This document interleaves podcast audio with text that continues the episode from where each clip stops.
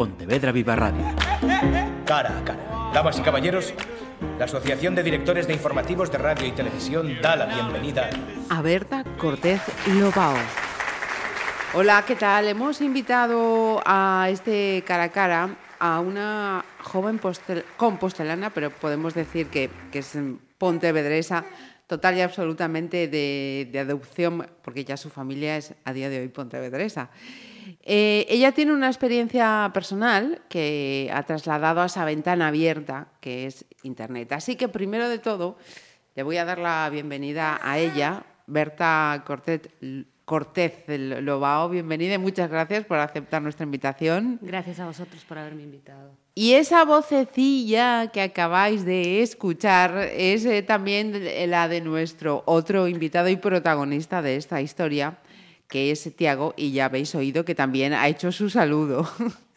Eh, Berta, eh, te hemos invitado eh, porque, como decía, ha habido un momento en tu vida en el que has decidido abrir a Internet tu intimidad, tu, vida personal.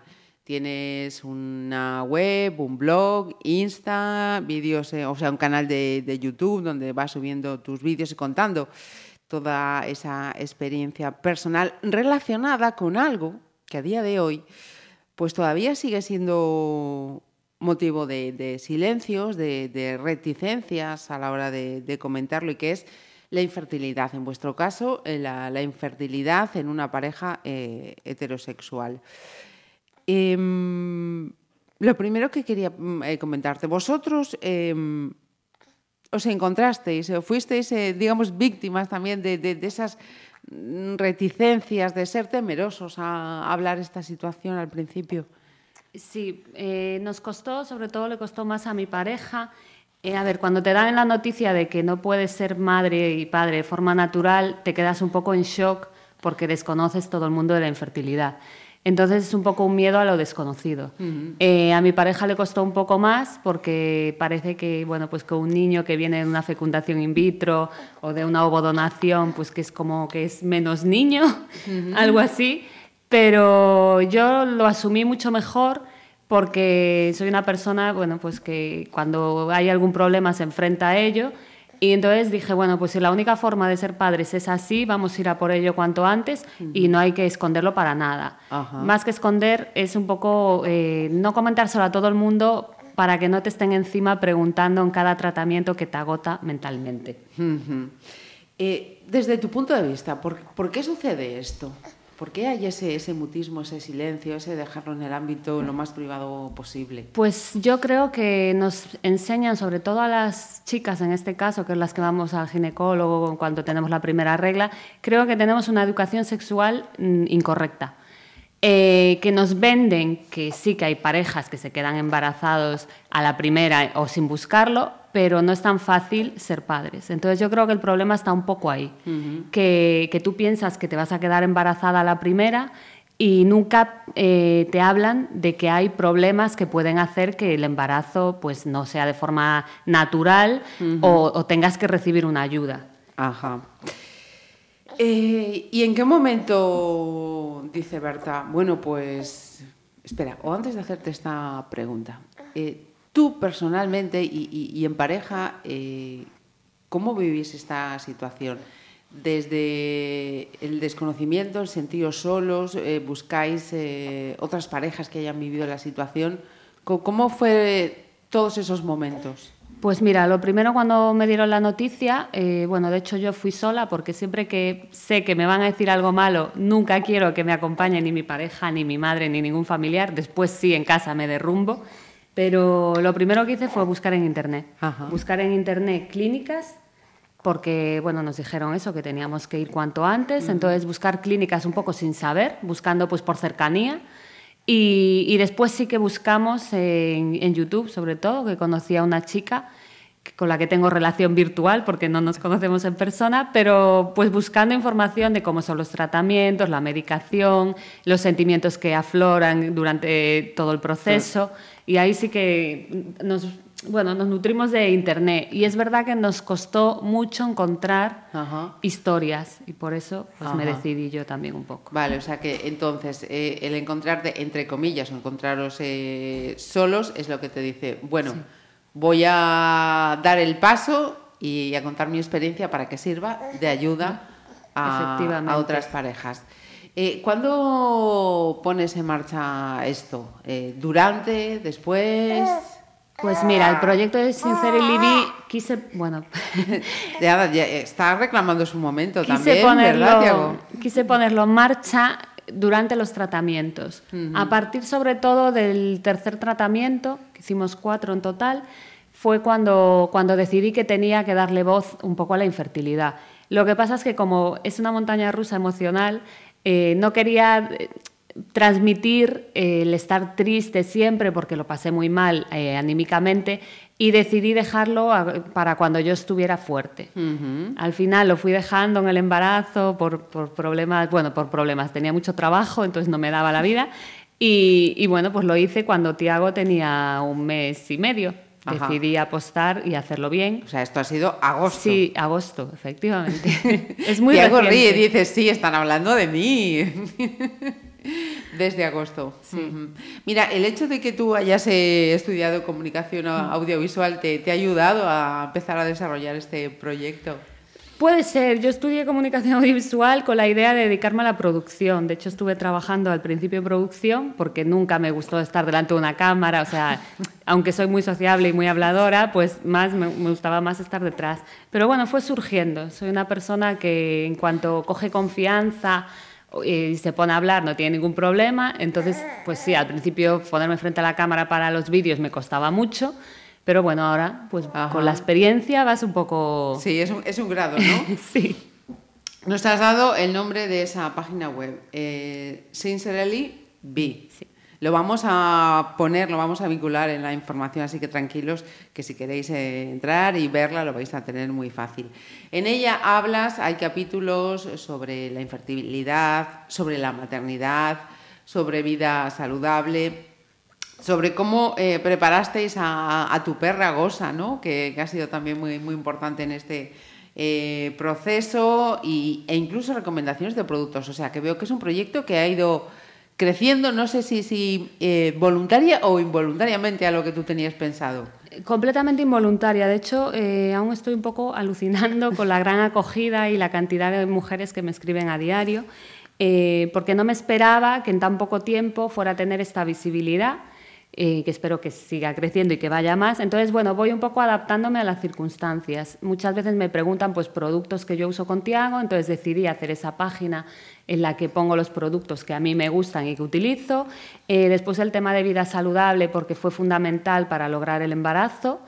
Eh, bueno, pues una vez que te metes en esto y vas conociendo cómo es tu enfermedad y tu problema, te das cuenta que hay muchos alimentos que favorecen ese ataque autoinmune que yo tengo, entonces Ajá. pues me han sacado alimentos, de ahí la vida saludable con recetas y luego Gosa que sí que fue fundamental, que bueno, que ya cuando estaba más baja me obligaba a salir a la calle a pasear y me daba su cariño, entonces de hecho fue ella la que nos dijo que estaba embarazada Sí, yo. sí, vi, vi el vídeo. Claro, como entonces decías, ella- "Uy, ¿qué pasa aquí? Fue fundamental desde que llegó a nuestra vida, pero bueno, en este proceso mucho más. Ajá.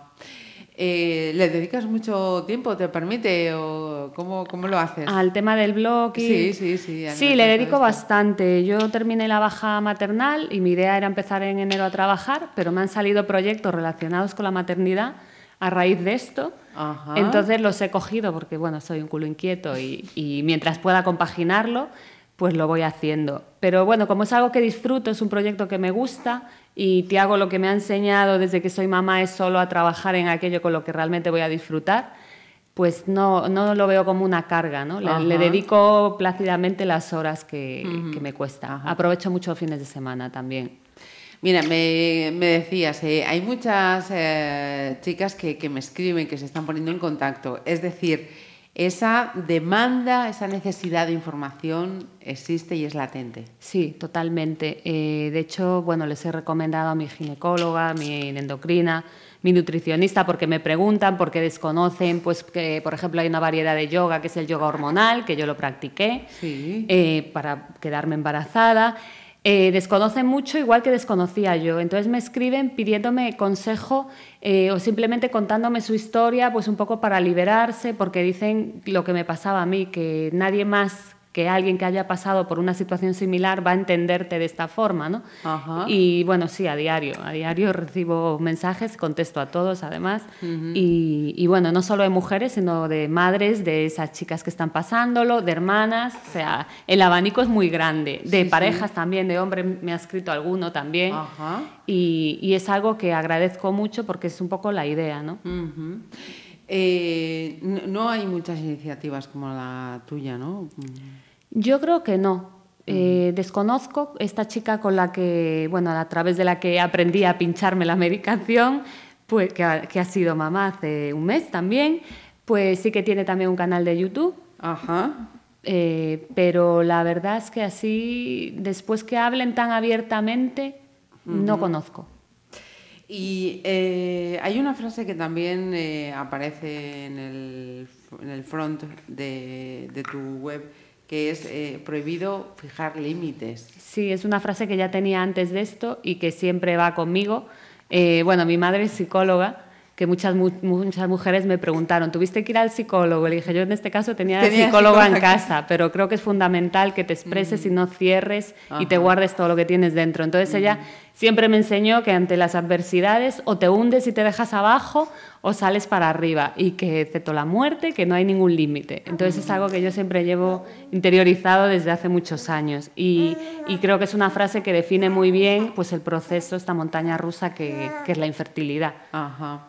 Mira, y entonces lo que surge como un proyecto, una necesidad eh, personal para supongo que también como terapia para ti, ¿no? Para contar Sí, de hecho me sigo emocionando muchas veces hablando de... Sí, sí, no, y es inevitable. Hay muchos vídeos que ya os aviso si los veis, tened el pañuelo cerca. Ese proyecto entonces personal se ha convertido casi en el, como decía antes, en un proyecto profesional, ¿no? Pues mira, eh, espero que sí. De hecho, ya te digo que me han surgido trabajos con centros de maternidad que me han conocido a través de, ese, de Instagram y como me dedico al mundo de la comunicación, pues, eh, bueno, pues estoy haciendo diseño y, y bueno, identidad de marca y esas cosas. Entonces, sí, mi idea, como te comentaba, es centrarme mucho en proyectos ahora, a partir de ahora, que me apasionen y si pueden ser relacionados con la maternidad, pues mucho mejor. Vale, y, y, una duda que tengo yo ahora hablando todo esto. Mmm, nos has estado hablando de, de, primeros, primeras veces que tú has ido viviendo, pero una vez que llega Tiago, eh, serán un primeras veces día tras día, ¿no? ¿De dónde te nutres tú? ¿De dónde buscas? ¿De, cómo pues mira, eh, me guío mucho por mi instinto. De hecho, eh, recibe los típicos consejos que pueden valerte o no valerte. Bueno, Tiago, Tiago está hablando mucho. Claro, él tiene que intervenir también. A mí lo que me aportó cuando me quedé embarazada, pensé que iba a tener muchos miedos, esas inseguridades que te crea la infertilidad y al contrario, estuve más tranquila que nunca y Tiago lo que me aportó desde que soy madre es una paciencia y una serenidad que yo antes no tenía. Y es como que he perdido el miedo a todo. No sé, puede pasarme algo muy, muy malo, pero el que lo voy a afrontar de otra forma. Lo lleva bien, ¿verdad, Tiago? Entonces, cada día, cada segundo de él es distinto. Y, nada, aprender, bueno, disfrutarlo, disfrutarlo, sí. Pues, eh, Berta, muchísimas, muchísimas gracias por acompañarnos, por decir que sí a nuestra invitación. Tiago, muchísimas gracias también eh, por venir y que, que sigáis disfrutándolo. Muchísimas gracias a vosotros. Pontevedra Viva Radio ¿Me permiten que les haga un comentario como espectadores del programa Cara a Cara? Según un reciente sondeo de mercado, ustedes disponen de estudios e inteligencias superiores a la media. Sus intereses abarcan desde la actualidad mundial y la ciencia hasta el deporte y los espectáculos.